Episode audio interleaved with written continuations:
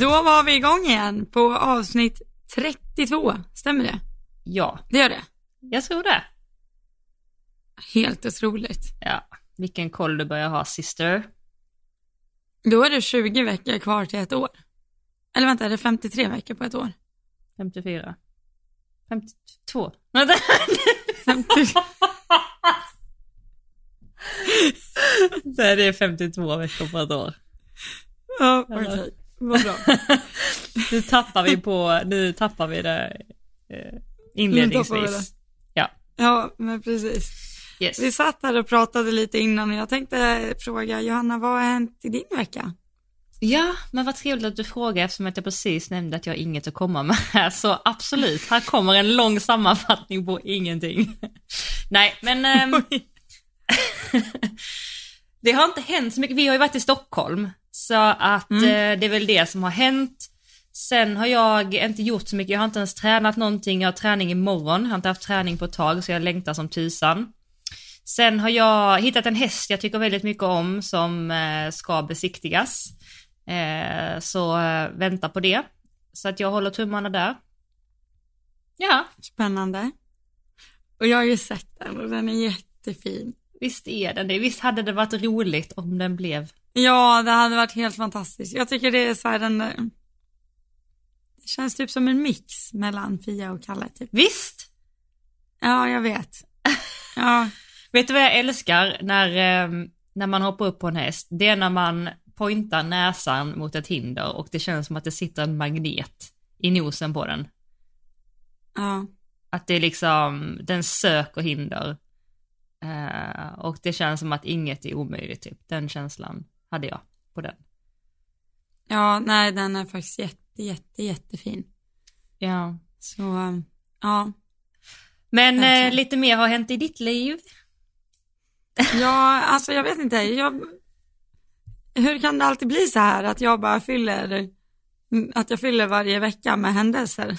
Jag, liksom, jag kan inte finna någon inre lugn när det inte är några tävlingar. Så det är så här, hur löser vi det här? alltså verkligen. Åh. Vi bokar en Florida-resa och vi hänger på Stockholm och sen avrundar vi med att köpa en häst. Ja! Har du druckit Pommac? Nej, men, ehm, nej, men jag har ju haft eh, den här hästen hemma länge. Hon heter Digelina, Ja. men eh, nu är ju allt klart. ja. Idag blev det faktiskt klart. Vi spelar in en onsdag. Ja, Ja, men, onsdag är idag. Men Mm. eh, har inte du pingat lite om henne innan? Alltså vissa, du har väl sagt på Instagram att du har någon på uh, prova? Eller vad har du sagt? Jo, utåt? men jag har lagt ut att jag har henne på prov. Mm. Eh, och sen la jag ut förut också att hon skulle besiktas. Det här var ju någon vecka sedan. Ja. Eh, och då samma dag som eh, veterinären ska komma ut så är hon tjock liksom på insidan av benet. Så hon måste ha sparka på sitt gaffelband eller något precis den dagen liksom. Mm. Och det här gick ju bort sen men då eh, bokade vi en ny tid och då bokade vi på klinik. Så den besiktningen var jag på idag då och nu var hon helt UA. Så det var jätteskönt. Helt Verkligen. underbart alltså. Fy fasen vad roligt. Ja. Jag vet, du tycker om den här hästen så mycket också. Ja, hon är jättefin. Hon, eh, jag hade ju med mig Alice när jag provade henne. Mm. Och jag skulle inte prova den här hästen egentligen. Utan jag skulle prova en annan häst hos samma person då. Mm. Och eh, sen frågade jag bara, bara på vägen, bara, eh, har ni något i den här prisklassen liksom? Ja. För jag trodde att jag redan var på, på botten. Ja. Eh, men eh, det var jag inte, utan det, det fanns ju en till där. Mm, som det var Black Friday på. Nej men, och jag fastnade ju direkt. Alltså, Vad ja. var det du fastnade för när du satt upp? Nej men jag vet inte. Jo, Alltså jag, jag har ju fått lov att övertala varenda människa om att jag älskar den här hästen typ. men jag menar Nej, men inte att jag har ju- ifrågasätter. Jag menar bara så här, berätta för oss. Vad, bjud in oss. Nej men dels så, eh, alltså det behöver jag liksom inte vara hemlig med. Hon har ju historia av eh, sadeltvång Mm. sen de red in henne liksom. Eh, och eh, ja, så han, alltså de ville ju liksom sälja till någon som de visste kunde rå på det där och inte komma och vilja lämna tillbaka hästen liksom. Mm. Och det var också därför jag fick ha henne på prov. Så, um, ja. Men eh, dels så funkade det bra när jag red och det kändes typ som att, alltså jag vet inte, för, för mig så kändes det inte som ett problem. Och det är mycket för att det är många, lik, alltså många likheter med Bell.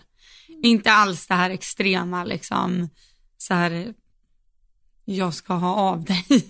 Men Nej. ridningen var lite densamma, att jag liksom klicka fram henne fram till handen och sen var hon där och då var hon väldigt med. Mm. Och där är hon egentligen mycket bättre än vad Bell någonsin var. Mm. Nej, så uh, Diggy, som vi kallar henne, hon fick väldigt mycket beröm idag av den veterinären och ja, att hon är liksom väldigt självbärig och egentligen byggd i liksom lite uppförsbacke för att vara hopphäst och Mm. ja.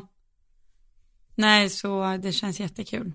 Mm. Så nu ska hon bara få ett par bakskor så är vi verkligen på spåret. Hon har ju haft ett föl så hon är ju lite svag bak och ligger lite efter. Mm. Hon är ju fem men mer som en fyraåring. Mm. Precis. Ja, Så hon har egentligen inte gjort något alls ju.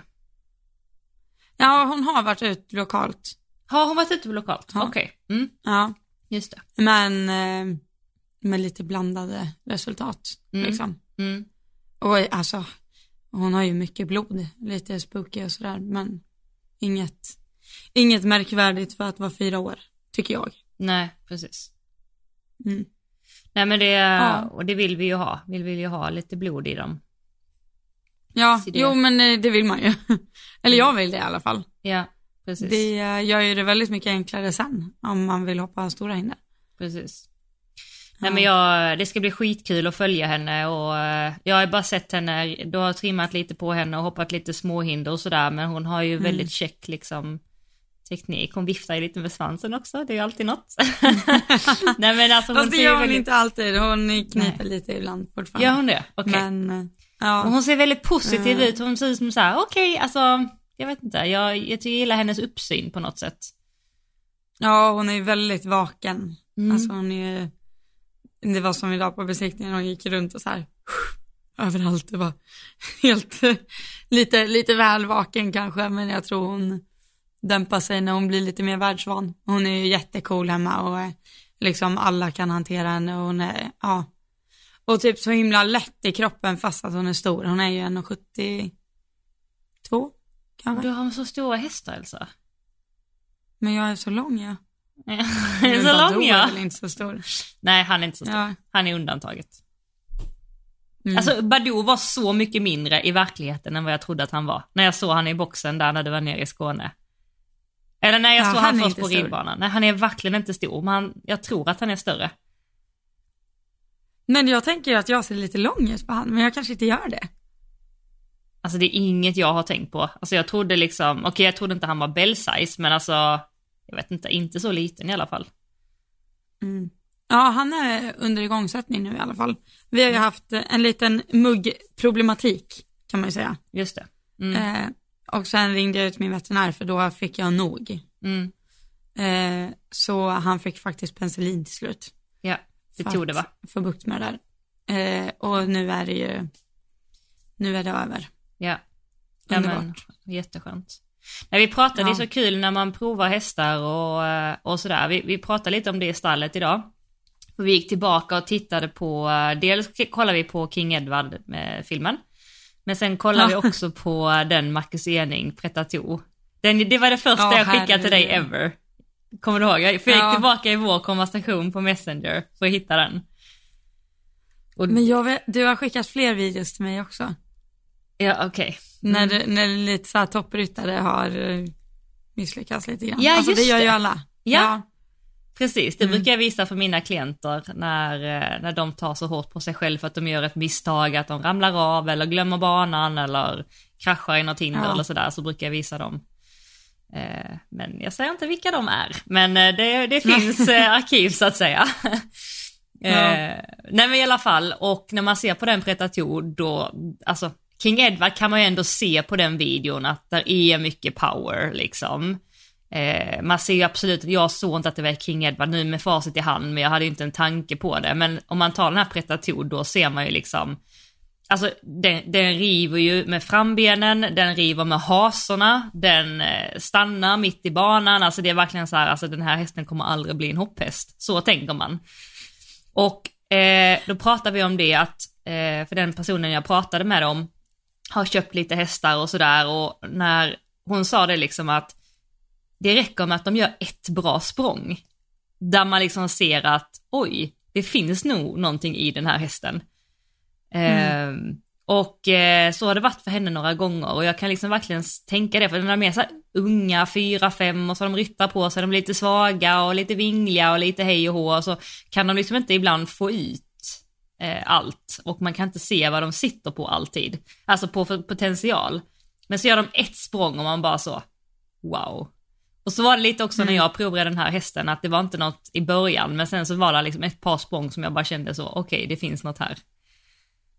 Jag tror vi sa det till och med på samma hinder liksom. Ja det gjorde vi nog. Ja, för jag vet precis vilket hinder det var. Du vände upp och hoppade ett räcke liksom. Ja.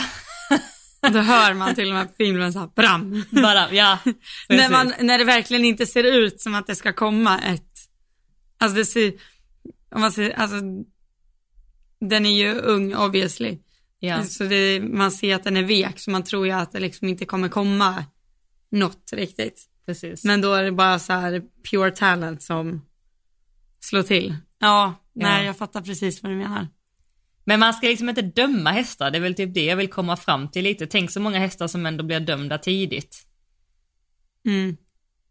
Ja, gud ja. Alltså, jag brukar tänka på det också. Och tänk, alltså, eller det är typ två saker jag brukar tänka på. Tänk hur många hästar som går, nej, tre saker egentligen. Jag, ska, jag vet precis vilka saker du ska säga nu. Ja, säg. Okej, okay, ja men gissa ja. vilka tre. Ja, det är det här att det är många hästar som har så otroligt mycket talang som aldrig får ut det för att det är ryttare som inte kan producera fram det. Eller? Ja. Nej, okej, okay, nej. Ja, äh, okej, okay, då blev det fyra. Okej, okay, men säg dina då istället. Ja, okej. Okay. Eh, den första är att det är en mm. häst med väldigt mycket talang, så man producerar fram det för tidigt. Ja, precis. Den tänkte jag också. Eh, den andra är att eh, hästen säkert har talang, men den kommer väldigt sent. Mm. Alltså, mm, jag försöker ta något exempel. Jag, jag håller på och rider en, en eldorado treåring nu och den har ju väldigt långa ben. Den kommer se ut som en treåring när den är fyra också. Mm. Anar jag. Mm. Men eh, vi får se vad som händer med den. Men den kommer antagligen behöva liksom ett år extra mm. kanske. Mm. Eh, ja men de som är kanske lite större, lite vingligare, lite så här, ja. Mm. Eh, som också går bort då, för de kan inte hänga på de, den här första då. Mm. Och den tredje är alla hästar som går bort på grund av obetydliga röntgenfynd typ. Mm. Precis. Det är mina tre. Så det är de som är liksom lite för bra när de är fyra och de som är alldeles för dåliga ända tills de är sex, sju liksom och då känns det lite too late. Mm. Och så de som aldrig blir sålda till någon som vågar satsa egentligen för att det är för riskabelt liksom. Mm. Men som egentligen inte behöver vara ett problem. Mm. Precis. Men eh, jag förstod precis vad du menar också. Och det, där är det lite så här, jag tycker typ det är lite dubbelt att man, samtidigt som jag tycker att eh, alla som eh, har bra hästhållning och är vettiga hästfolk förtjänar ju att ha en hur fin häst som helst. Gud, ja. Jag diskuterade det med en nära kompis bara häromdagen, när det var ett, ja men, stort namn, eller vad man ska säga, som mm. visade intresse för hennes häst. Eh, och då ringde hon mig och bara, jag har dum i huvudet som säger att jag vill ha kvar min häst. Mm. Och jag bara, fast varför förtjänar inte du att ha en fin häst? Mm.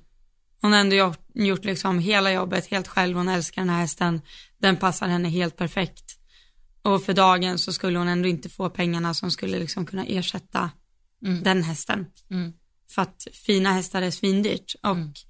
eh, när man har gjort jobbet själv i flera år då är, finns det också liksom ett, det är inte så här att man råkade få en fin häst utan man har, har ju också lagt ner tusen timmar för det. Mm. Men eh, sen fattar jag också vad du menar med att så här, eller om det var precis det du menade vet jag inte, men om man har en väldigt fin häst men det har hamnat en fin häst i fel händer om man säger så. Precis som en, vissa hundraser inte ska vara i fel händer liksom. Mm, mm. Det, det tycker jag är tråkigt. Och det behöver egentligen kanske inte vara så här i fel händer, alltså med betoning på att det är dåliga människor eller dåliga ryttare, utan kanske bara en, en ryttare som inte har ambitionerna och satsar och aldrig har liksom testat hästens potential. Förstår du vad jag menar? Att det finns ju många sådana Ja. också. Eh, och det är ju inget, inget fel med det, men jag bara, kan bara tänka så ibland att tänk vad den här hästen hade kunnat göra med en annan ryttare eller alltså inget negativt, och förstår vad jag menar, utan mer bara så här, ja. Och som du säger Nej, det här med... alltså- mm. Nej, fortsätt. Nej, men just många som går bort just att man inte har tid att vänta ut dem, som du sa, och sen också med röntgenfynd, att man inte vågar satsa på grund av det eller vågar köpa på grund av det. Det är himla många hästar som, som går förlorade. Mycket talang liksom. Ja, verkligen. Vad Nej, skulle- men alltså mer, det lät fel när jag sa i fel händer. Men det är väl mer det här att, alltså om ens ambitioner är att kunna tävla lokal hoppning och lokal dressyr och ha en snäll häst att rida ut i skogen. Ja, då ska du inte ha en Baloo Kidamma och komma liksom. Nej, Till exempel. nej, Alltså, vi har ju avlat fram hästar för absolut toppsport. Och det ligger ju liksom lite, alltså det ligger ju på aven. Det är ju klart det är, det är både olönsamt och kanske lite tråkigt att avla fram en trevlig allround-häst. mm, Jag tror inte det finns något intresse för det, utan antingen så avlar man fram en, en hopphäst eller en dressyrhäst liksom. mm. Eller den så. uppfattningen har jag i alla fall. Men det är väl därför som ridskolor har svårt också att hitta bra hästar. Ja, gud ja. Och det är ju också därför jag har jobb tänkte jag säga. Nej men, Ja. alltså, nej Ja. men, Mm. nej men det, det blir ju så att, eh, det, ja men det är precis som att eh, en schäfer är inte en första hund liksom. Nej. Eller förstår du? Jag menar, ja, jag det, är ingen, ja, ja, absolut. det är ingen bra Men- Men... sällskapshund som du ska gå på en liten promenad med. De, de behöver så mycket träning och stimulans liksom. Mm. Och precis så är det ju med en häst som står väldigt högt i blod. Att eh, har den inte liksom ett tydligt system eller en liksom, det kan, det kan till och med vara så att samma person måste ta den in och ut från hagen varje dag. Mm. Och då funkar inte den hästen bra i ett kollektivstall liksom. Nej, precis. Alltså det är så enkla grejer. Mm. Mm. Ja. Ja, det, ja, så är det verkligen. För det är ju liksom, det är som dina hästar, båda de har ju, alltså varför de har så mycket kvalitet som de har, är ju just för att de har, mellan raderna kan man läsa sig till det för att de har så mycket flykt som de har. Alltså, Mm, mm. det är ju två hästar som hade överlevt länge i vildmarken kan man säga. För Absolut. att de är så pass vakna om omgivningen. Mm. Och det är ju inte ett coincidence att de har blivit så lugna med dig som de har blivit, utan det är ju för att du uppenbarligen är en väldigt bra, liksom, du är ju en bra flockledare. Mm. Eller så Ja. upplever jag det i alla fall. Ja, precis. Nej men jag, jag, vill, jag vill tro det och det är ett stort, ett stort mål som jag har med alla hästar, Ja. att, jag vill, att jag vill vara det. Men, eh, och det har vi pratat om så mycket i podden ju egentligen innan, alltså i andra Mm. avsnitt, hur viktigt det är att vara den flockledaren och se hästen utifrån hur den är i, i naturen och inte som, en, eh, som ett husdjur liksom. Eller, hur ska jag säga, Nej. om du förstår vad jag menar, eller som en kanin liksom, Ja. för att det, det blir för farligt liksom. Ehm, när man inte känner till hästens ehm, natur och hur man, eh, hur man liksom kan jobba med den. Eh, och det märker jag jättetydligt när jag är med, alltså jag kan ju känna mig, jag, men jag tror att jag är lite överdriven där, jag, när jag inte känner att jag har kontroll över en häst, alltså då menar jag liksom att jag inte riktigt känner att den här hästen litar på mig eller jag kan inte riktigt flytta den hur jag vill eller bara jag drar i tygen, att den inte följer med utan den går ifrån mig eller att den inte tar ett tryck om jag lägger handen på bogen eller på rumpan och sådär. Alltså, då känner jag liksom en, en jätteosäkerhet, då vill jag inte ens lasta den hästen. Förstår du? Jag vill liksom inte ens sätta mig i en situation som jag vet om att jag kan inte ta mig ur den här om inte jag har en, en respekt. Alltså, och innan var jag mer mm. lite typ dumdristig, jag liksom, jag fattar ju inte, jag bara, ah, vi testar, alltså så, men nu är det verkligen så här, jag vet inte, jag vet inte ens om jag vill hoppa upp på den här, eller jag vill liksom inte om jag vill testa lasta den ens, för att jag vet att jag kommer inte reda ut en situation om den skulle spåra. Om jag inte får Nej, jobba med den. Inte, det är ju inte dumt. Nej, alltså... men jag kan känna ibland att jag, ja, det är inte dumt, men eh, jag känner mig lite överdriven på det sättet. Ibland kan jag liksom känna mig missförstådd i det. Jag bara, när jag ser situationer, jag bara, men ser du inte att det här kan bli jättefarligt? Varför gör du det här? Alltså förstår du, jag kan känna mig liksom, ah, inre stress av ja. att se. um. Nej men alltså jag har ju en kompis som är livrädd för föl. Nu säger inte jag att du är rädd för hästar så, men alltså Nej. hon skulle aldrig gå in i en hage med föl för att hon har blivit nersprungen. Jaha. Men hon är så här, nej men föl har ju ingen vett och etikett, det är ingen som har sagt åt dem att gå undan någon gång, så hon mm. skulle försöka ta med henne och hälsa på våra föl och det är liksom, även om de är sociala så har det ju hänt att man har varit tvungen att liksom knuffa iväg ja, dem och bara, nej det här är mitt gud, space ja. liksom. Ja, ja, ja, absolut. Eh, men eh, nej, hon, hon bara, nej jag går aldrig in i en hage med föl. nej. Men eh, men jag tror det är viktigt att göra det, lite... det med fölen. Alltså det är ju mamman, mamman och flocken gör ju det. Alltså puttar ju undan fölet. Det är därför det är så bra att ha en bra flock ju. De, upp, alltså de kan ju lära fölet och så, men när det kommer en ny människa så kommer man ju, man är ju ny i flocken då, då måste man ju också stöta ifrån och liksom markera sitt space och, och sådär. Med föl också, även ja, om de är världens gulligaste, om man vill ha dem i knät så kan det också bli farligt mm. tycker jag. Men alltså jag tänker, du som är väldigt, alltså du är ju väldigt noggrann, som du säger, kanske till och med överdrivet. Nu, jag tycker personligen att det är bra. Men kan inte du liksom bli, för jag vet, alltså det var inte många år sedan jag tyckte att jag hade problem med saker som jag inte förstod varför det var ett problem. Jag vet att jag la ut en story på Instagram bara här om dagen när jag ramlade av Bell och så var det någon som hade frågat så här, kan du visa en video när en häst inte är framme för skänken? Just det. Jag bara, say no more, liksom hästen stannar så här fem meter innan hindret. Alltså, det berodde inte på någon dålig distans, det berodde, inte, det berodde på att liksom, hon hade alla dörrar öppna för att kunna gå vart hon ville förutom över hindret. Men jag var ju liksom så inställd på att vi skulle över. Mm. Eh, men hon vände ju och jag bara trillade av och så tror jag att det till och med hörs i videon. Så här vad fan håller hon på med? Liksom, alltså, så, alltså nu när jag kollar tillbaka på det så bara, vad är det för okunnig tjomme som har gett sig på den här hästen och inte ser att så här, alltså hon gick ju inte att lasta när jag fick henne. Nej. Eh, och hon gick inte att rida ut på. Eh, hon gick barely att longera liksom. Mm. Men jag skulle prompt iväg, åka till annat ridhus och hoppa. Ja. För vi skulle ju tävla där helgen efter och lösningen var ju att åka dit och hoppa då, eller veckan innan. Mm. Alltså, du vet, så mm. liksom, alltså, ja, jag är ju liksom exemplaret på, ja, ja men det är ju okunnig där och då liksom. Ja, men jag tänker att desto mer man lär sig, desto mer Alltså nu vill inte jag lägga mig i folks utbildning och deras hästar, det bryr jag mig inte om om det inte är så att de har bett om min hjälp. Men jag kan fortfarande bli så här irriterad på när man har typ bäddat för att ett problem ska uppstå för att man har hoppat över så många steg. Ja, precis. Eh, och då blir det i slutändan så att av ren okunskap att man skyller på hästen. Ja. Vilket är, alltså jag har varit där själv.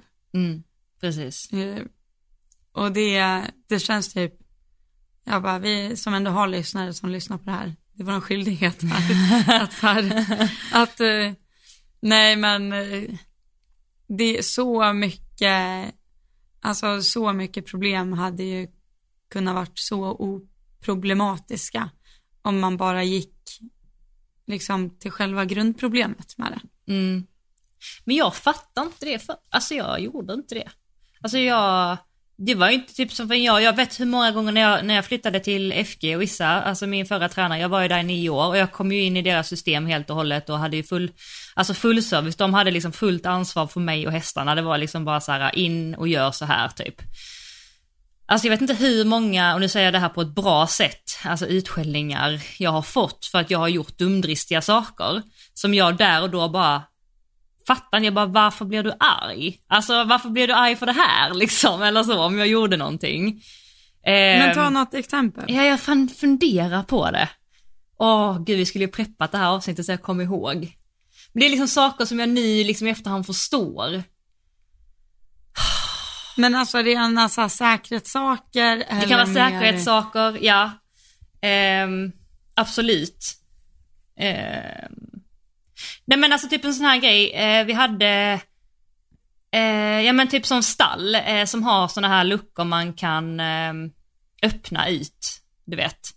Mm. Och så vissa har ju bra, för de har liksom väldigt, väldigt högt. Men vissa har ju då eh, boxar, eller så här fönstren, så att de är så pass, alltså inom stationstecken låga, att om hästen får panik och drar upp huvudet så, så bangar de i nacken liksom. Mm. Och jag vi, visste ju liksom inte att om hästen bangar i där ordentligt så kan den liksom bli platt fall och dö. Alltså den kan ju slå så illa att det liksom tar slut där och då. Det hade jag ingen aning om. Och då när jag passerar och där fanns hästar som liksom tog ut huvudet och jag passerar eh, liksom i gången med en häst, då tänker jag inte på att hålla så pass mycket avstånd. Jag tänker liksom inte att min häst kan bli eh, irriterad av att det står en häst där ute som sträcker sig för att nosa eller bita efter min häst. Mm. Och det räcker ju att min häst sparkar eller gör något hastigt Viftar så på att den svansen, liksom. viftar på Ja. svansen så den hästen bara drämmer upp huvudet och sen så har man ett, ett jättecase liksom. Alltså, Mm. ja, jag önskar jag kunde komma på, jag måste komma på fler saker men alltså sådana grejer, typ så här eller om, typ om man ska lasta och sådär, om hästen inte går bredvid mig, alltså om jag inte lär den att gå bredvid mig utan jag får dra den, då kan jag ju inte longera den heller. Alltså då kommer den ju vända eller stanna eller bli farlig eller inte. Om inte den lär sig att när min, eh, alltså att min långpisk är min förlängda arm och den går man ifrån, liksom, Mm. då kommer det ju bli jättefarligt. Om den hästen får panik eller kastar sig, då kommer den ju kasta sig mot mig, då kommer jag ju inte ha en chans. Eller typ så här, men småsaker, man har handskar när, när man hanterar, bara när man leder eller lastar eller ska longera eller eh, när man klipper hästen liksom att eh, jag kanske inte göra det när det är massa människor som tar in och ut hästarna för att om, om hästen blir stressad över att mina hästar, alltså mina kompisar lämnar stallet. Den kanske inte alls är, är liksom, tycker det är läskigt att bli klippt, men om den blir stressad där och då samtidigt som jag klipper, så lägger ju hästen ihop att det är en stressad situation att bli klippt. Och då har jag ju skapat den för jag har satt hästen i en stressad miljö. Istället för att kanske ge den, om jag, inte, om jag är osäker, ge den lite, lite lugnande, gör den inte någon i stallet när det inte är stökigt, kanske till och med ha öronproppar i den, alltså gör, skapa ett lugn, skapa bra förutsättningar liksom. Ehm, alltså, ja, det är så mycket jag har gjort eh, dumt liksom innan. Mm. Och fortfarande, gud man gör ju misstag hela tiden, men jag kan ju förstå mer nu liksom att en, varför min häst inte liksom eh, stod still när jag hoppade upp eller backade ifrån mig eller så här. Det var ju liksom för att jag hade ju inte, alltså jag sket ju i om den stod och skrapade på uppställningen eller den inte gick med mig i boxen eller flyttade sig från mina hjälper, alltså på marken. Alltså allting hör ju ihop typ. Ja. Mm. Och så hade jag också någon häst som, eh, eller det var inte min häst, det var en, en tjej som hade en häst som hade, den hästen hade lite så att den eh, em, backade på uppställningen. Alltså uppställningen var ganska lång men det var en vägg bakom så det var inte att den var uppställd i gången. Men den backade typ två steg i lugn och ro, alltså ingen panik.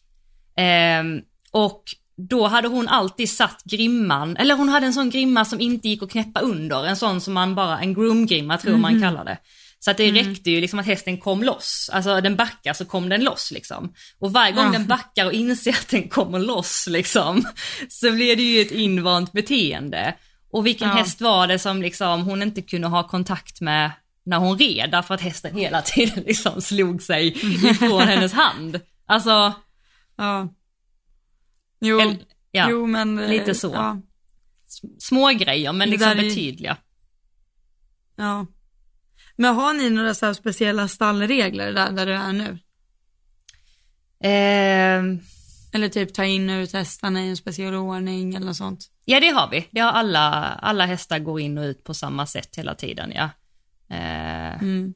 För att vissa kan stå ute själva i två timmar utan att ha kompisar medan någon Ja. annan inte, en, en kan inte ens gå in utan att det blir så. Så att där, det är bra, men vi har liksom nog inga så speciella, alltså jag vet vi har en dörr i stallet som är att när man öppnar den dörren så blir det som en kant på nedansidan och så är dörren inte så hög så att hästen skulle kunna rycka upp huvudet utan att den slår i.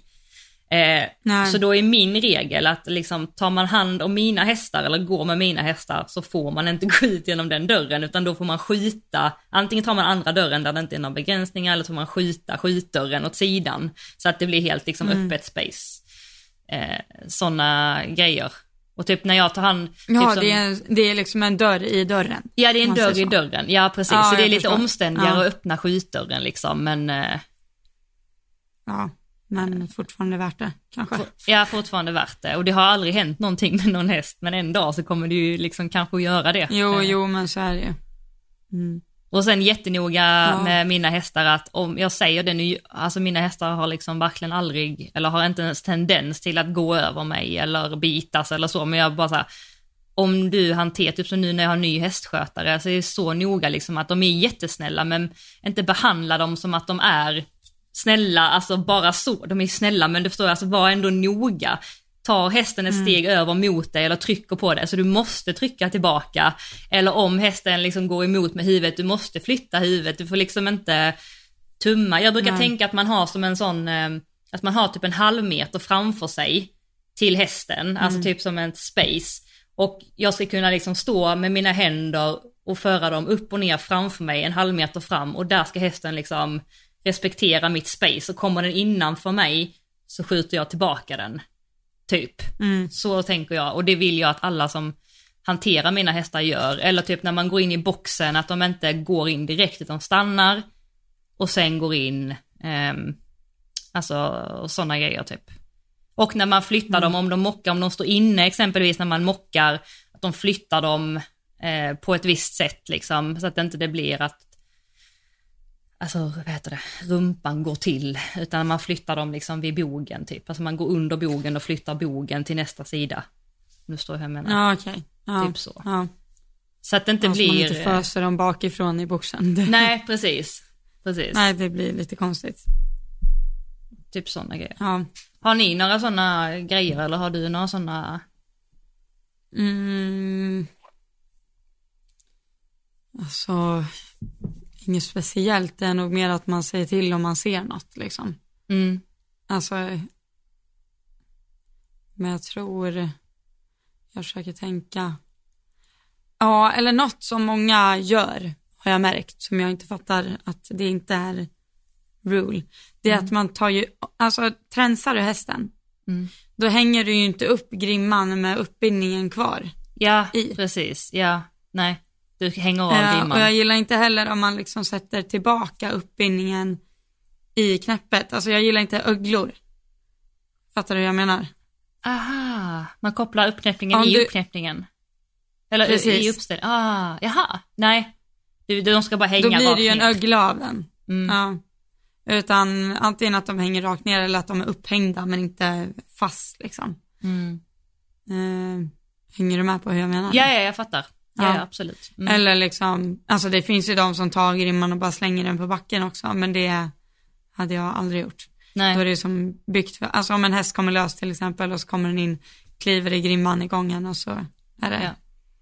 kaputt. Okej, Ja.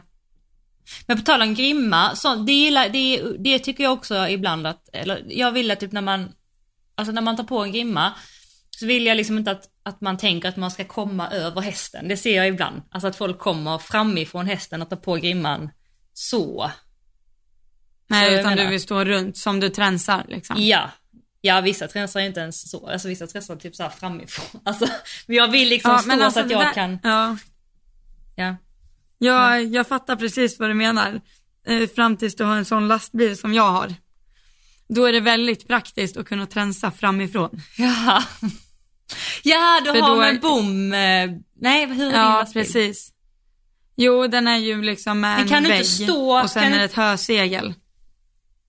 Men kan du inte stå, om du står med ryggen mot bommen, eller mot Ja. väggen, Men då måste jag ta ner höseglet. det är höseglet, aha, Ja, okej. precis. Så jag har, alltså, så mina hästar som åker lastbilen, de vet ju att håller jag godis och sträcker fram tränset då mm, kommer Ja, de okej. fram så kan jag Ja. tränsa. Men skulle du gå ju- till en ny häst och sätta på grimman på det här? Alltså Nej, nej, så. då backar de ju oftast. Då blir de ju väldigt så här, oj. Mm. Men jag är ganska, alltså, jag tror typ alla mina hästar går och liksom kliar på runt och om öronen liksom rakt framifrån. Ja, Det är inga, alltså då sänker de ju snarare huvudet. ja, ja. Så jag kan inte säga att jag har det som regel, för det händer att jag går ut i hagen, kliar dem och sen kan jag få på grimman hur jag än står liksom. ja. Jo men det kan jag också. Men Men, speciellt, jag gillar Ja. inte det typ. Eller jag vill typ alltid ta samma. nej men jag håller med om att det blir hotfullt om du går mot hästen och så kommer du med båda Mm. händerna och lägger på grimman. Jag hade inte gjort det om jag hämtar en dräkt liksom. Nej, nej. Men om jag ändå står och håller på, fast ja, mer naturligt att göra det, så jag gör det med ryggen mot bogen liksom. Ja, ja precis. Och att du blir Men, du nej. kan ju inte bli knockad lika snabba. Alltså, alltså om hästen skulle dra upp huvudet snabbt eller sådär, då blir man ju inte knockad lika lätt. Om man står, Nej, du hade dig själv i åtanke också. ja det var ju det. Jaha, Men alltså, ja. men alltså rätta mig. Jag bara, jag har långa armar. Ja, nej men rätta mig, rätta mig. Eller så här, jag menar förstå mig rätt att det är inte så att jag, alltså det kan jag göra med mina hästar, mina hästar också sover så här om jag kommer och så. Det är bara det att jag vill att, jag, alltså det är det här jag menar att jag kan vara överdriven ibland, att jag kan bli lite inritad. Att jag gör alltid så här, då gör vi alltid så här. Förstår du hur jag menar? Ja, ja. Så, eh, men eh, det tycker jag fungerar bra. Du, du, hade inte, du hade inte klarat av mig, att ha med mig i stallet en dag alltså. Du gjorde ett bra jobb som groom i alla fall. Ja, men då var jag ju skärpt. Var Eller- Okej. Nej, men jag är inte helt, eh, inte helt lost. Men eh, ja, gud vad kul att vi kom in på det här nu när jag är inne i mitt eh, disksnack.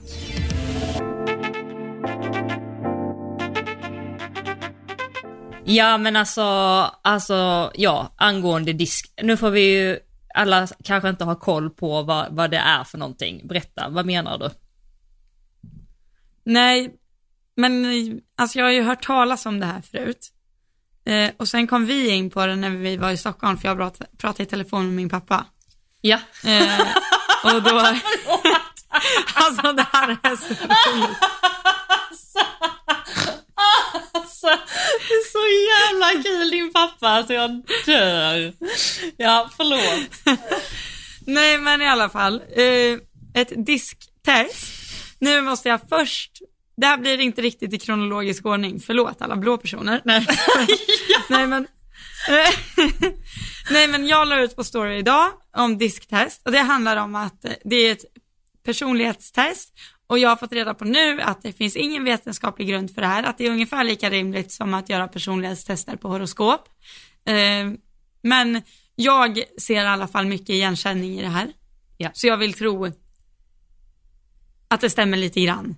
Ja, Jag kan i alla fall applicera det i vardagen, jag skojar inte. Det, man kan ju det. ja, Ehm, och det handlar om att det finns eh, en röd personlighet, en gul personlighet, en grön personlighet och en blå. ja, Den röda är väldigt dominant, den gula är väldigt social, den gröna är typ väldigt trygg och lugn eh, och den blåa är väldigt eh, strukturerad. mm. Analytisk. Eller typ. vad ska man säga, den blåa? ja, analy, blåa? analytisk. Eh, Analytisk, Och, ja. ja. Mm. Mm, Väldigt precis, eh, och då, lätt förklarat. ja det var väl väldigt snabb Väldigt förklaring. snabbt förklarat, Eh, ja. Det man, ni kan ju till och med, in, for, innan ni fortsätter lyssna så kan ni till och med googla och skriva disktest. Ja, D-I-S-C. Och bara få en snabb hint om vad det är. Det är lite intressant, eller så hatar man det. Och då behöver ni inte lyssna på mig. men jag tror att många har Men- läst den eh, boken som du, jag såg att du också läser Omgiven av idioter nu.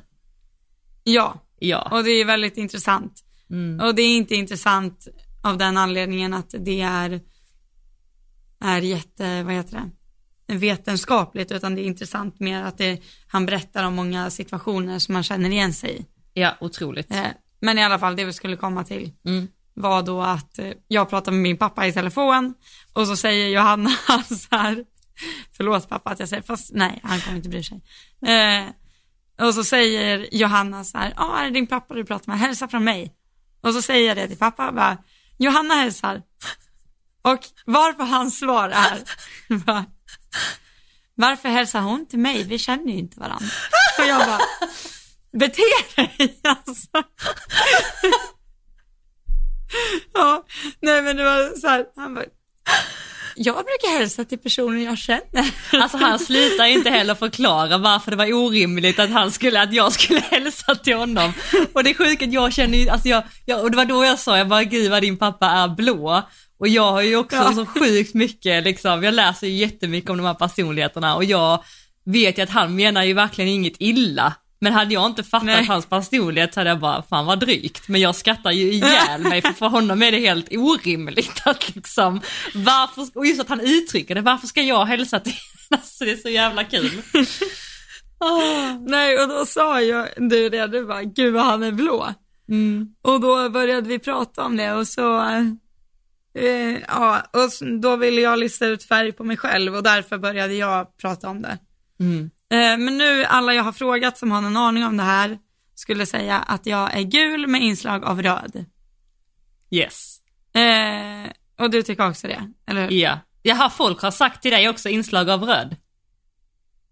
Ja, de har sagt det. Okej, för det är exakt det sa jag Och- också. Alltså verkligen så här gult Ja. inslag röd. Ja. Jo det är Och här kommer den pinsamma delen av det här. Mm. För en röd person ska ju vara väldigt arrogant eh, Mm. och ha typ dålig eh, självinsikt. Mhm. Och det roliga är att när någon säger, och jag vill ju, det här är det hemska, att jag tänker så här, men är jag inte lite grön? För jag har ändå typ så här, alltså jag har ju ofta ont i magen över saker, att det är så här, oj gud, ju, sa jag något fel nu? Eller, Mm. alltså så här, eller så är det ett inlärt beteende, eller så är jag så pass röd så jag inte inser att jag är röd. Nej men de röda egenskaperna jag ser hos dig är ju lite mer det här, uh, alltså tävlingsinriktade tänket. Ja, Alltså gröna ja, är jo, ju det så här, sant. åh det är det bästa, det roligaste är att få delta, det är det viktigaste och att alla är med. Alltså det, du är ju liksom så här, är man med så ska man vinna. Nej men alltså lite så. Jo, Eller? jo men så är det lite, alltså jag har ju yngre kusiner, Fria med knuff har ju alltid varit på riktigt liksom. Exakt. Det spelar ingen roll om jag är 18 och de är 4 liksom. Det, Precis. Och det är inte är en det Fria med gil. knuff, då är det inget lagspel som gäller. Då ska Nej. alla knuffas ut. Exakt. Det är därför det heter med knuff. Har man valet att knuffa eller inte knuffa, då knuffar man. Åh gud. Ja, Ja. nej men så det är din eh, röda del. Och sen är det ju också, du har ju vissa ledaregenskaper fast de är lite ofilade. Men det finns ju så här, eh, alltså du har ju förmågan att få människor att gå dit du vill att de ska gå. Eller inte då du vill, utan du går dit du vill. Alltså du kan leda människor. Så. Sen tror jag att du skulle kunna bli bättre rent alltså, strategiskt på det. Men, eh, nej men alltså, om du nu, men eh, Alltså det är som, som Ja, någon nej, sa till jag- dig, jag att när, när du pratar så lyssnar man. Det är ju en röd eh, egenskap. Du låter ju väldigt övertygande i saker du säger. Och det, det är liksom viktigt. Alltså så. När du pratar så lyssnar man. Det är ju Mm. också typiska röda egenskaper. Ja, och typiska gula egenskaper är ju att prata mycket. Men jag skulle inte säga att jag pratar mycket för att jag själv vill bli hörd jättemycket, utan jag pratar ju mycket för att jag inte vill att någon annan ska känna att de måste prata. Eller fattar du? Va? Men Nej, tänk om men någon alltså- vill prata då? Jo, jo, jo, det finns ju de som vill prata också, men jag har ofta fått höra att det är väldigt trevligt att vara med dig för att man behöver inte hålla låda, för det gör ju jag gör ju egen du. maskin. Men Ja. det finns ju de som pratar mer än mig och då är jag väldigt, väldigt tyst. Ja, du ställer dig in där ju. Du anpassar dig. Ja, Men du är ju väldigt alltså, karismatisk, också, det är ju också gult. Och också kreativ, är också gult. Eh, en väldigt charmerande, kort stund. Ja. eh, social, ja precis. Och sen också rolig, alltså du, du, du skämtar ju om saker och ting. Du får ju ett rum att skratta, liksom. Vilken Så ju... ja. Men du är också ostrukturerad och det är också typiskt gult. Ja. Och lite Ja. så eh, YOLO. Ja. Eh, och, men vart jag ville komma fram med det här, Ja. från första början, Mm. är att nu har jag, det är onsdag idag, jag har funderat sedan i torsdags. Och jag kan inte sätta en färg på dig. Va? Nej! Nej men alltså det sjuka är att jag, alltså jag är ju, ehm, jag har funderat sen i torsdags. Men om du får gissa då, vad skulle, om du skulle liksom lite så då. Fast jag har väldigt mycket av varje färg, det är det som är. Men jag har något som är Precis, mer, alltså eh, jag skulle säga att du är en, alltså du är ju strukturerad som få. fast det är ju inlärt, det är inte naturligt. Ja, fast, Fast, okej, så du menar att jag skulle kunna lära mig det? ja, 100 procent. Gud, alltså jag är världens mest ostrukturerade person. Alltså jag kan ju gå Jaha. liksom, jag kan ju liksom gå banan, ha någon som håller hästen och sen stanna i kafeterian och käka en hamburgare fast de ropar in mig på framhoppningen. Alltså förr. Ja, ja men det är som mig. Mm. Men jag blir ju stressad av struktur. Eller jag blir stressad Du av känner att, dig inrutad eller? nej då blir jag stressad av att jag har glömt något när jag planerar. Jag får, ja. Men det tror jag, är inte det för att du liksom inte har gjort det tillräckligt och verkligen så här put an effort? Jo, jag måste nog träna på det. För att... Eh... Men eh, nu ska vi tysta min gula sida, det var dig vi pratade om. Ja, fast du kan ju, alltså, Nej, feel free. Men, det är helt eh, okej. nej men helt ärligt, du är ju strukturerad. Nu, nu bryr jag mig inte om om det är inlärt Nej, okej, jag är tyst. Yes. Du är, nej det behöver du inte Nej, okej. Du får jättegärna ha invändningar om du vill.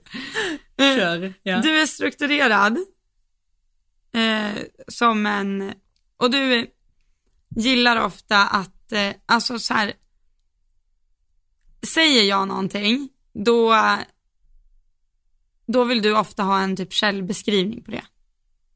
ja, Alltså detaljer. om jag pratar om något i hästväg, precis. Om jag pratar om något så här, det här har jag hört eh, och så berättar jag om det och då frågar du alltså så här, vart har du hört om det? Har du testat det så här? Eh, eller var det för att det var den hästen? Eller typ så här, och då bara, nej men nu förstör du mitt.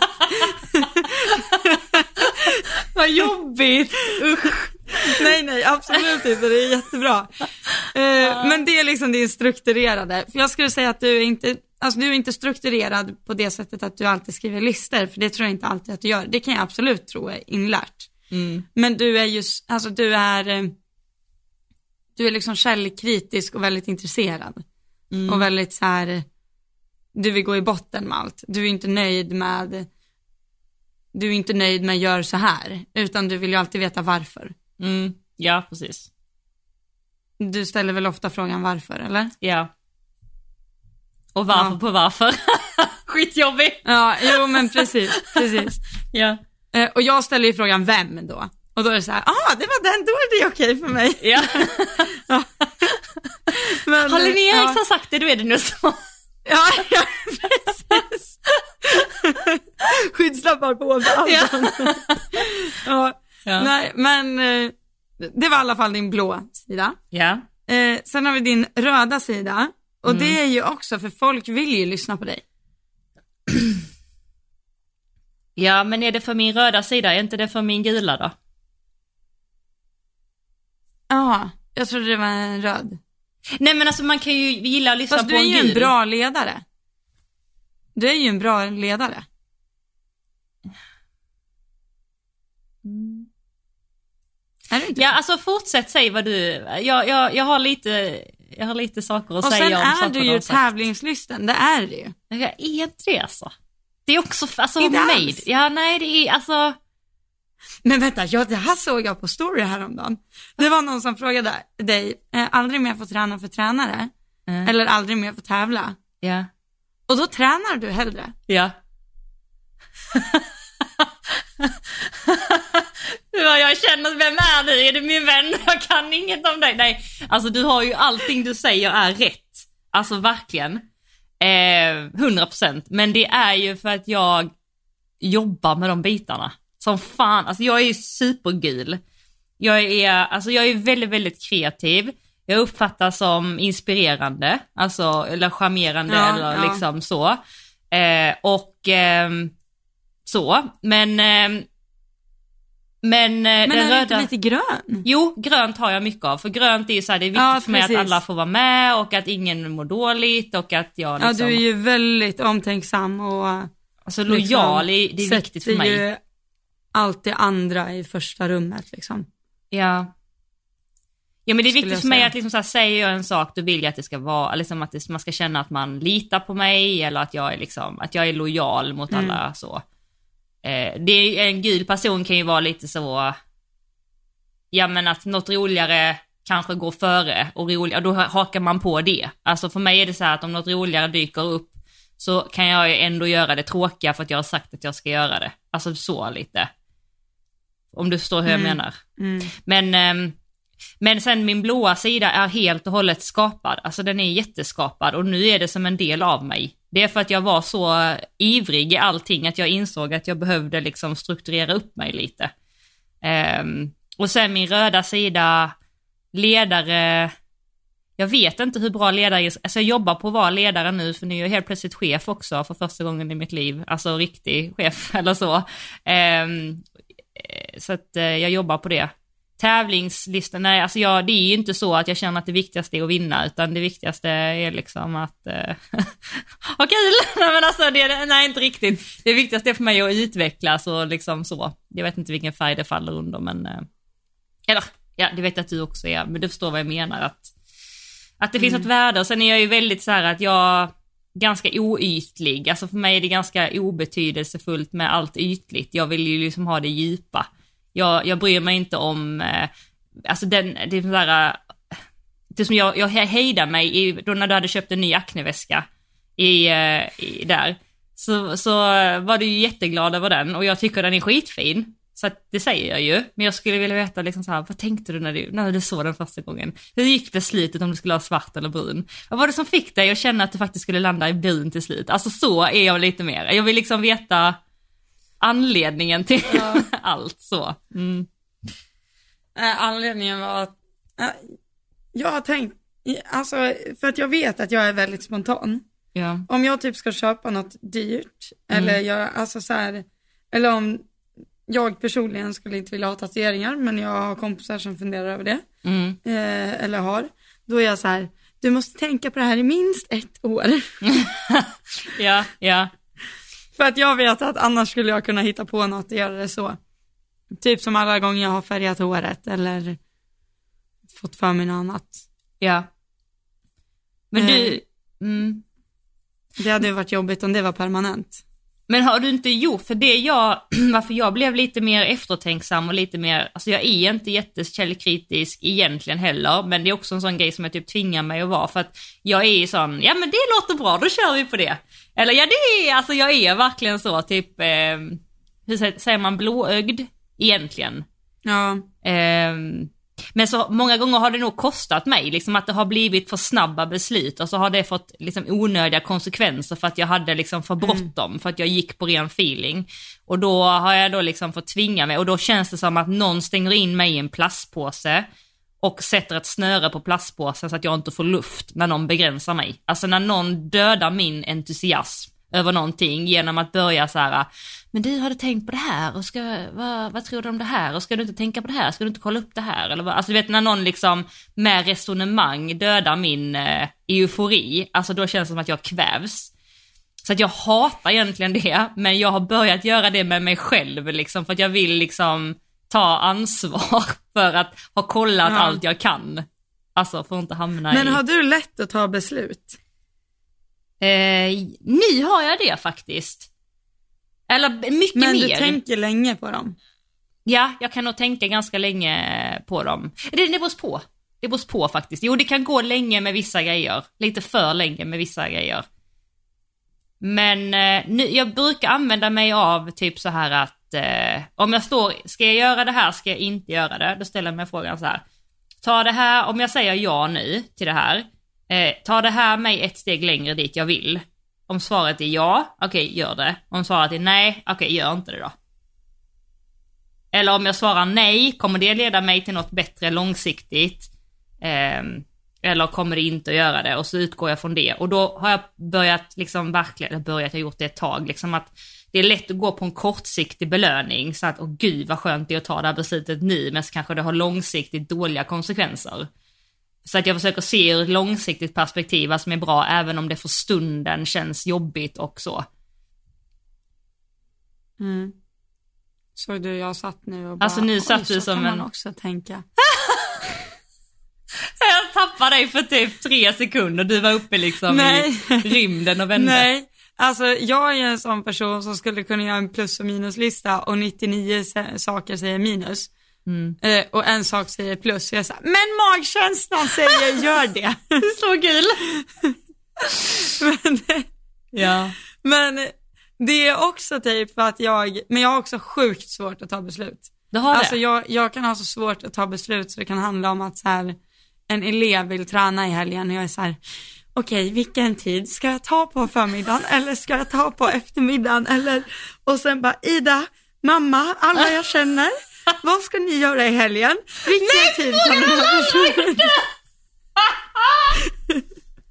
Ja men alltså, jag vet inte om jag har glömt något eller liksom, jag måste ju veta. Men jag kan ju inte bestämma, typ. Och sen har jag också varit med om så många gånger att min magkänsla har sagt så här, tok ja. Alltså jag hoppade in min drömhäst i våras. Alltså jag älskade den. Och jag skickade videos till alla jag kände och de bara, ja skola om till dressyrhäst kanske. typ. Och jag bara, ja, hopp, hopp, okej. Och du vet, här står man då med vär- världens finaste häst. Liksom. Ja. Men den är ju inte min. Nej. Nej. För alla sa köp inte. Nej. Och magkänslan sa köp. Och nu sa magkänslan köp igen. Och ganska många sa köp inte, men det blev köp. Ja, men ja. Men eh, Jag tror också det är viktigt att man inte stänger ute sin magkänsla, för det kan ju typ blåa personer ha väldigt svårt. De är ju verkligen faktabaserade. Alltså verkligen hård, hårda siffror tänkte jag säga. Eh, hårda värden. Men eh, mjuka värden och magkänsla tror jag är så viktigt också att ha med. Det försöker jag också ha i alla ja, fall. gud ja. Eh, Ja. Men man får ju kanske inte, eller man ska, du är också tio år yngre än mig, du ska ju göra lite misstag. Alltså, det är ju misstagen som formar en. Ja, så är det. Ja, du brukar ofta säga det, att du känner igen dig mycket i mig när du var yngre. Jättemycket. Ja, jättemycket. ja, jag älskar att varje gång vi ses så brukar jag alltid så här fråga, bara, men Johanna, vad är det dummaste du har gjort? Du betyder Men- det bästa eller det värsta? ja, det bästa eller det värsta. Ja, men precis. Ja, precis. Mm. Men bästa du har gjort är ju att starta Ryttarinspiration, är det inte det? Eh, jo, det var en väldigt bra idé faktiskt. Och den var väl också liksom som tagen från bara, ja men det här testar vi. Ja, ja, det var verkligen så. Jag satt på sängkanten och bara så här, hmm. hmm. Skapa sida på Facebook kanske? Lite så. Ja, så att, eh, det ja. gick ju ganska bra så här tio år senare. Nej, hur många år är det nu? vi pratar vi, jo det är nio år. Nio år. Nio år sedan. Mm. Helt sjukt. Sju, det känns ju inte så länge sedan. Nio år sedan. Nej, Nej, nej. Det känns Du vet att du startade Ryttarinspiration när jag var 13. Ja, det är ju sjukt. Red du storhäst? När började du rida storhäst? Hur gammal var du då? Eh, jag red, eh, jag hade en häst som jag red childrens på. Eh, Fanns det children på din tid? Ja, det var första året det kom. Eh, men jag hann ju inte kvala någonting. Men jag, red, jag red faktiskt mest fälttävlan då. Det var fortfarande när jag red fälttävlan. Så eh, jag hade med den på lite fälttävlansläger och red någon, tror jag startade nationellt med den också, hoppning. Men eh, ja, Alltså Nej, du har ju gjort inte- så mycket i din karriär. Alltså du har ju gjort kanske typ tio gånger så mycket som jag har gjort. Alltså, jo men med eh, 10% av kvaliteten du har gjort. Nej, jag tror inte det. Nej, jag tror verkligen Jo, inte det. Nej. det. Men jag fattar Men inte, alltså- varför trodde du att jag hade hoppat 1,45? Jag skojar bort det sist, men jag funderade sen, vad, vad var det du trodde att jag hade gjort det för? Eller med vilken häst? Eller du bara trodde, eller fanns det någon substans i det? Nej, jag bara hade det på känn. Det är ganska många som har hoppat 1,45 och jag tyckte att du var en ganska stark kandidat. Okej. ja, men det var ändå rim- rimligt. Det var magkänslan som sa det. Nej, men jag hade inte blivit förvånad. Eller Nej, fattar okej. du? Ja, tack. Nej, men alltså med det jobbet jag gör nu hade jag inte varit förvånad om du hade ridit högre än 1,45 också. Nej. Men Nej. du har ju väldigt mycket, alltså du har ju väldigt mycket kunskap i ryggen. Eller? Ja. Tycker du inte det? Ja. Ja, Alltså nej, nu ska jag vara så tråkig, men nej det tycker jag nog inte. jag har ju mer Men så... vadå, du har ju ändå varit i väldigt många år i ett liksom professionellt system. Jo. Jo, Tänker jag har jag. ju mycket kunskap så på det sättet. Det är så verkligen så här nu när jag är ensam i allting, alltså samma nu typ när man ska, om man, nu när man ska köpa en ny häst och alltså där. Jag har haft sån sjukt stor trygghet alltid. Alltså min förra tränare har ju hittat alla mina hästar och alla hästar jag har haft och jag har varit så bra för det jag ska ha dem till just där och då och varit så fina och Ja. om det är någonting, liksom, ja men det här kan vi lösa eller om det är något som skulle vara något på något röntgen eller så här, ja men det här har ingen betydelse, alltså så här, och han har verkligen så här, han, han hade en sån sjuk förmåga att titta på en häst och bara, det är problemet, eller den har det, eller den har det, alltså, och sen så har han Mm. typ, han hade alltid rätt liksom. Så att nu har man ju lärt och sugit in sig mycket, men det blir ju också så här att man får göra allting själv och då kommer ju misstag att dyka upp. Innan har jag liksom varit lite skonad från det. Om du förstår vad jag menar, för att jag har alltid inte Mm. behövt vara den som tar sista ansvaret, för han har ju tagit ansvar både för mig och hästarna. Alltså hundraprocentigt liksom. Det är också helt sjukt hur, hur någon kan göra det så hjärtligt som han har gjort, men så att eh, det är också en ny fas för mig i livet nu att sätta mitt eget system lite och präglingar på det och alltså utforska och ta sista ansvaret och förstår du hur jag menar liksom att det är också nytt för mig. Så ja, jag har kunskap med men jag har ju, jag känner ju mig, alltså från 1 till 10 så känner jag mig på en tvåa. Alltså så. Helhetsmässigt. Vad jag kommer, Ja, ja, det skulle jag kanske inte säga. Ja men tänk vad jag kommer när jag är 50. Om, om 20 år. Jag tänker att jag är 50 om 20 år, det, ja, det var det sjukaste jag hört. Men jag, då kommer jag nog bara så här. år snart. Ja det gör jag. Om sex dagar, eller hur? 16. Ja, det kanske det blir. 6 december. Du och jag har ju bara typ, vad blir det? Tre veckor emellan varandra. Mm. Något sånt. Ja. Om Eh. något år. Ett år. Va? Nej, det var inget. Det var ett skämt. Det var inte kul. Nej okej. Vet du vad? Det var jättetråkigt. Jag fattar ibland, jag är för gammal för dina skämt ibland. Alltså det var Nej, ju... men det här var inte kul. Ska du förklara vad du menar? Om ett år? Vadå? Nej, men du sa, du sa, vi har ju bara några veckor emellan och så sa jag något år också. Jaha, och något år? Jaha, ja, något år eller två. Typ ett, två.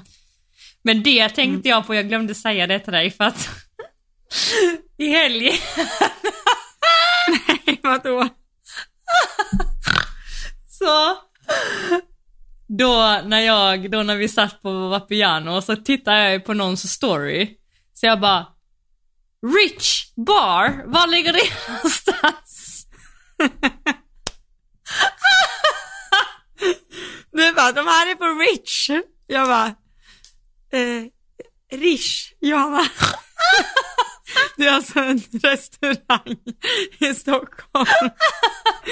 Ja. Ja, det är så jävla kul alltså. På Rich. Nej men så var det Ja. någon gång eh, när vi poddade också, när du, eh, du sa fel på något ord som var så här vuxet. Som jag tänkte så här, detta är, detta är o, alltså, okorrekt uttalat. Men alltså, Sa du inget då? Nej jag tror inte jag sa någonting då. Vad fasen. Men det måste du ju göra. Men vad var det? var ju ingen drama, alltså så. Det var ju mitt i en mening eller någonting sånt.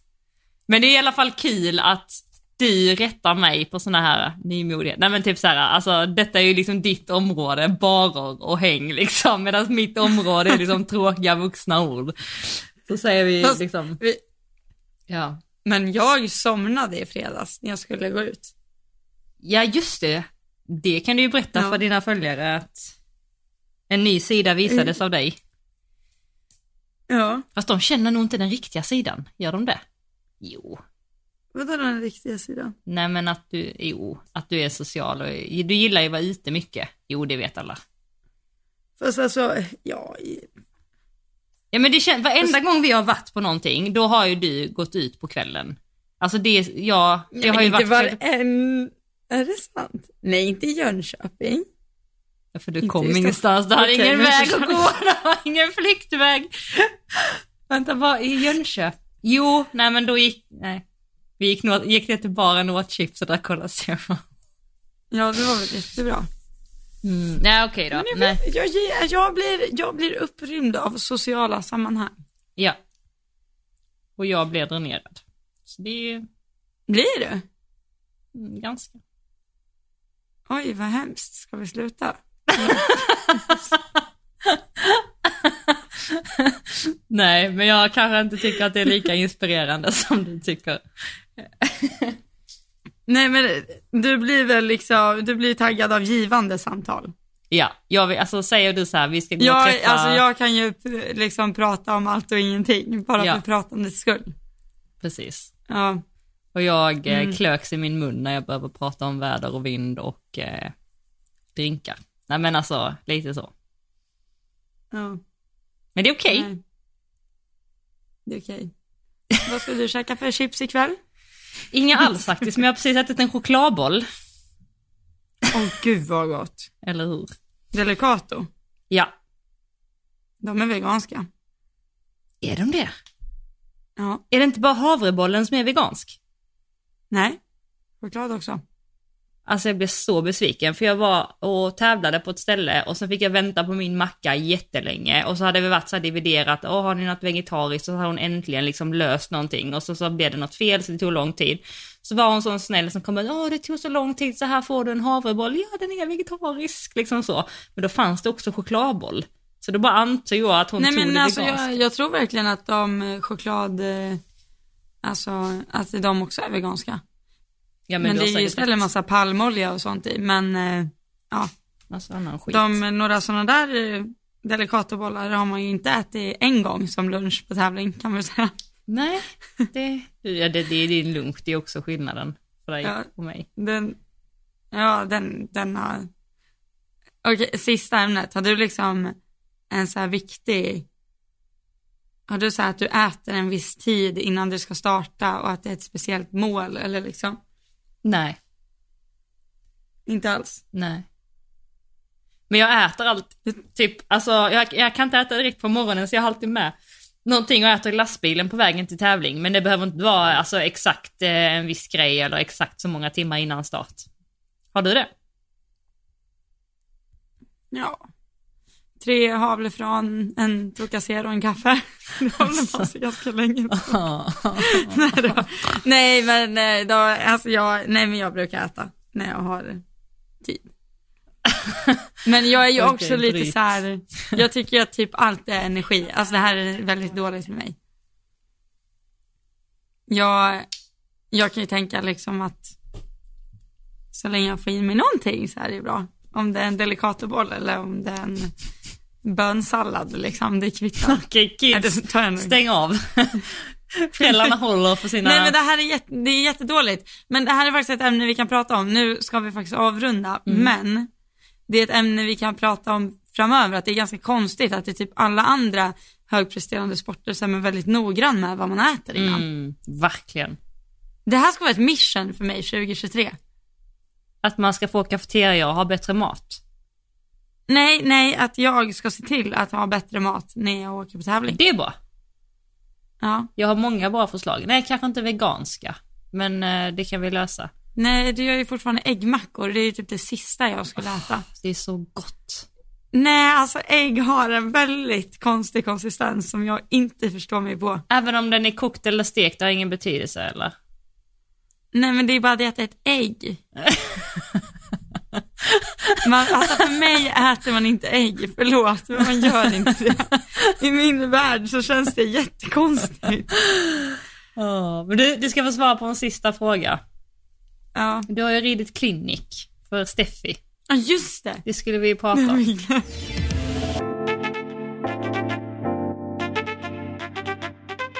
Ja men eh, berätta, Steffi åkte ju direkt från Friends upp till er i Rättvik.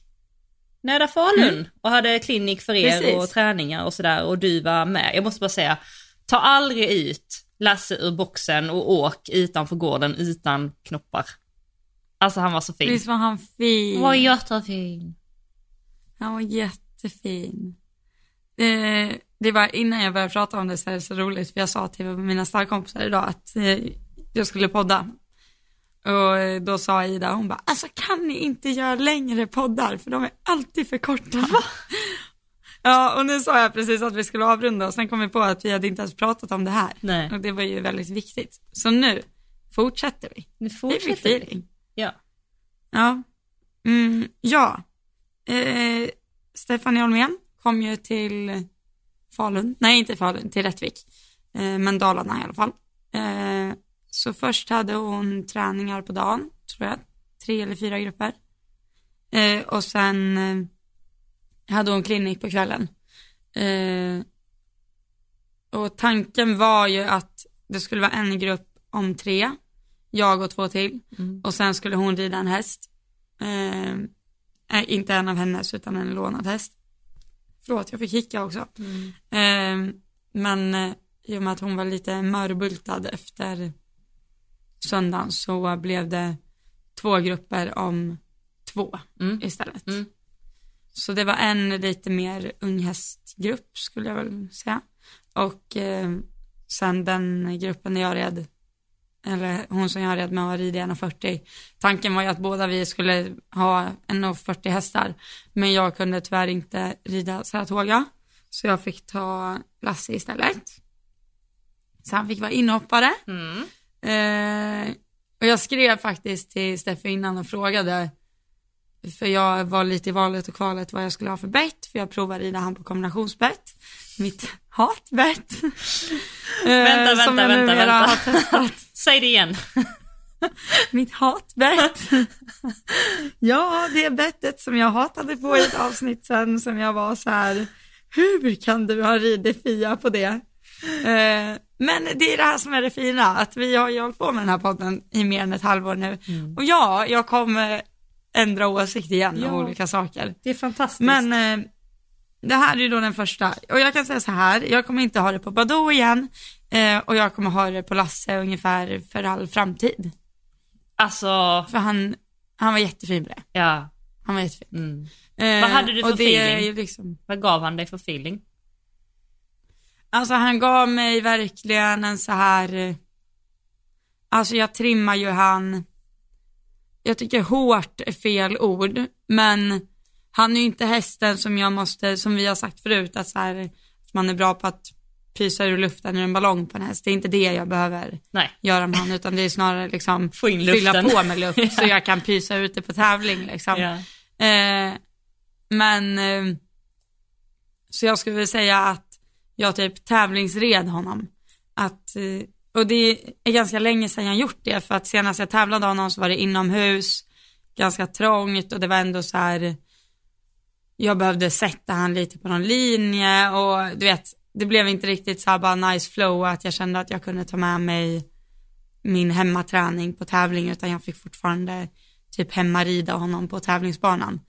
Eh, men nu när jag kom på kliniken så kände jag typ verkligen att jag kunde åka häst Mm. och det fungerade, Mm.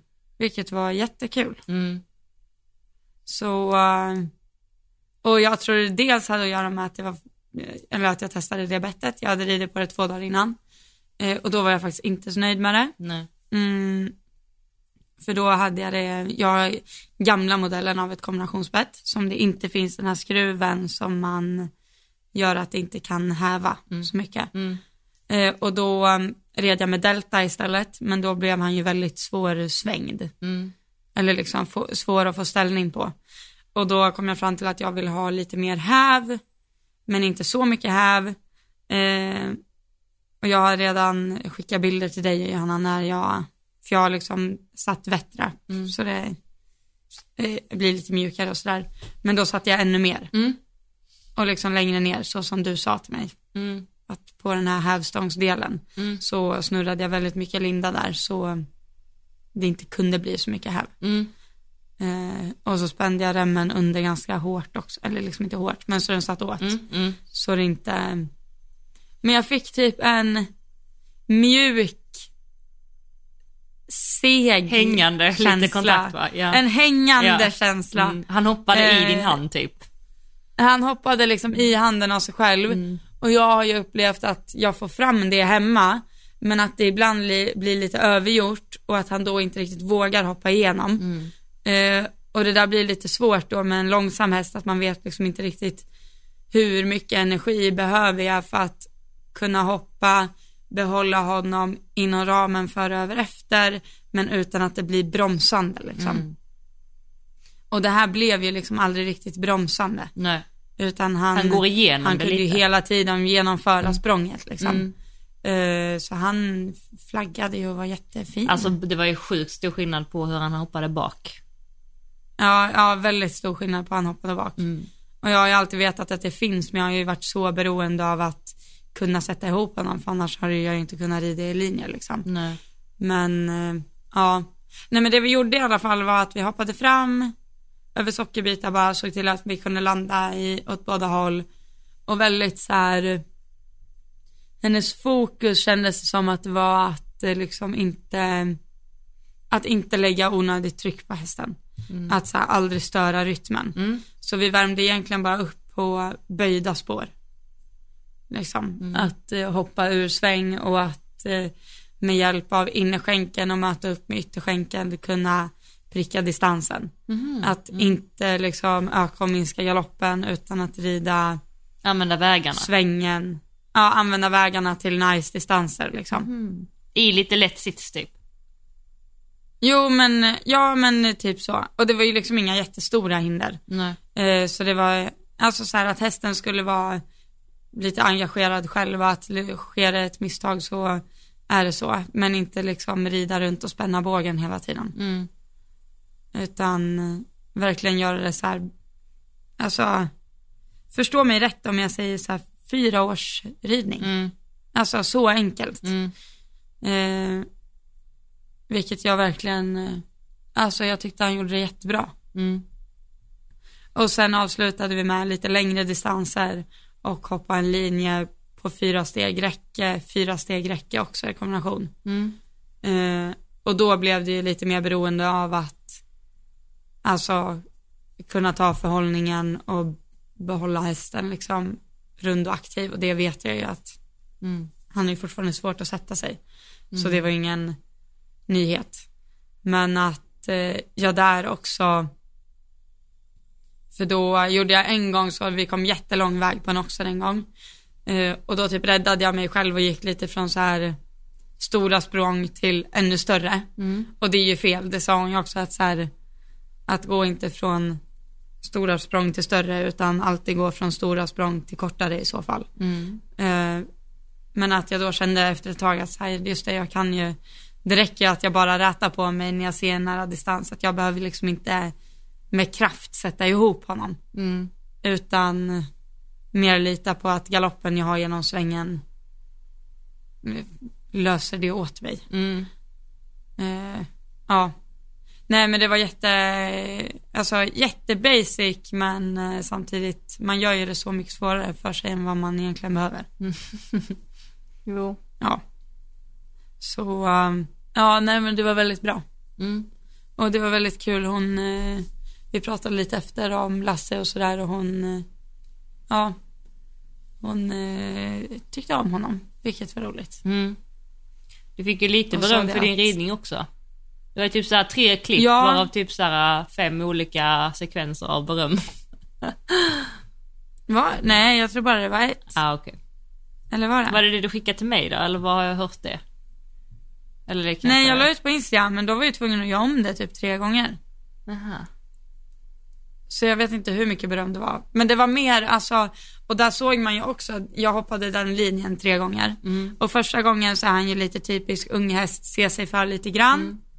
Eh, och därför blir det ganska bra, men jag brukar kalla det att man gör det första gången och då händer det på tur, typ. Mm. Mm. Men det är lite typiskt unghäst att de hoppar lite högre första gången de kommer. Eh, Så då skulle jag ta det igen och då blev det ju, då red jag på samma sätt som första gången men då blev han kanske inte lika uppmärksam.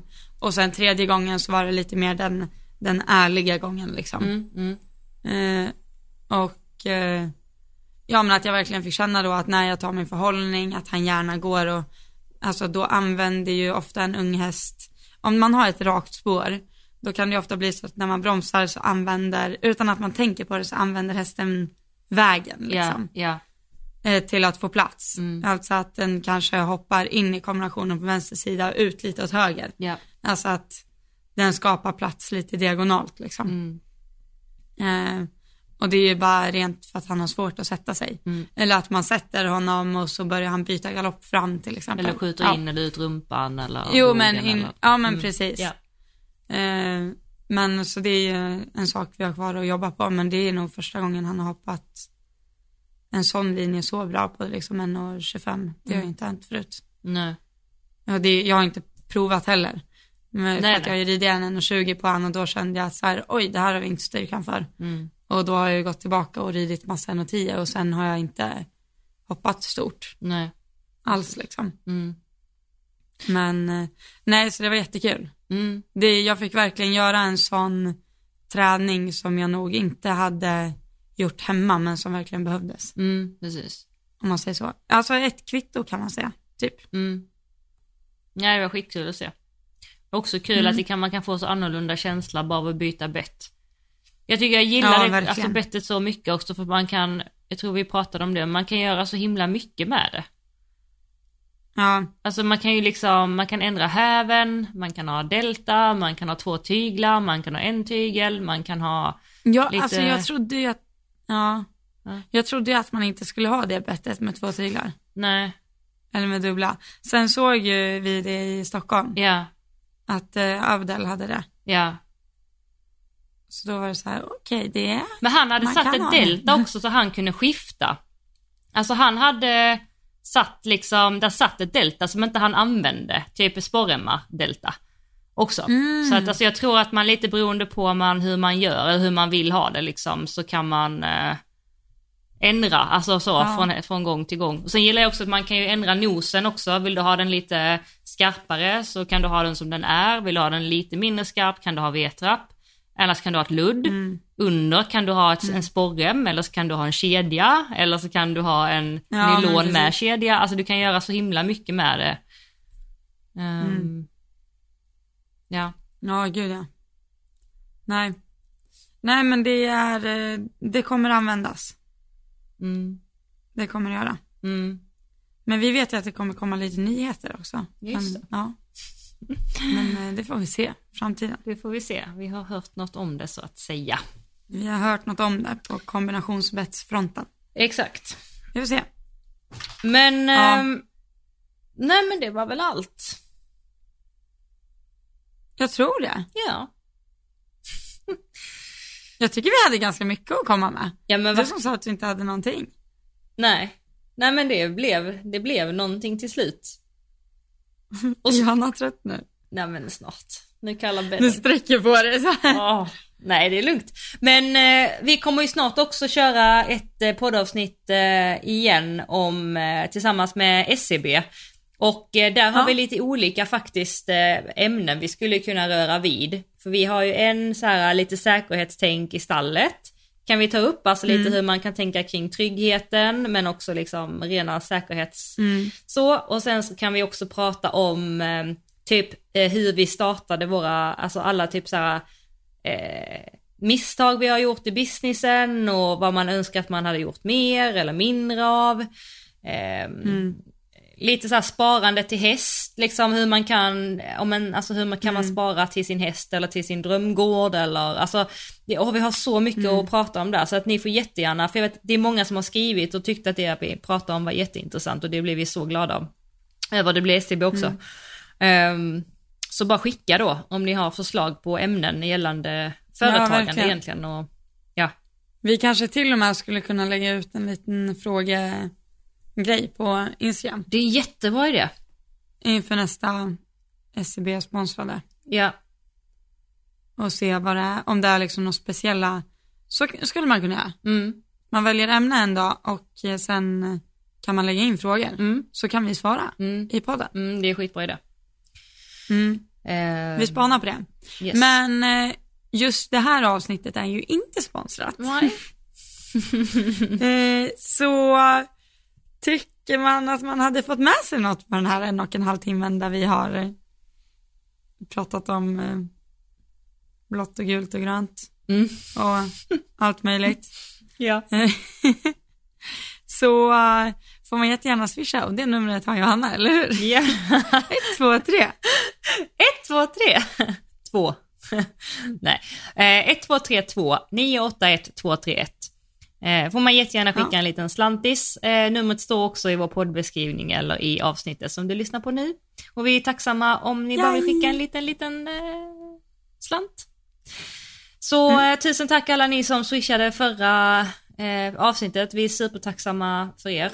Eh, och fortsätt skicka in era podd, alltså era önskemål för vi läser alla DM och det är så kul att ni är så aktiva där också. På Elsa och Johanna Instan. Mm, Yes, verkligen. vi... Eh, Men du, eh, ha en eh, jättebra vecka. tack. Du också. Och ni också. Ja.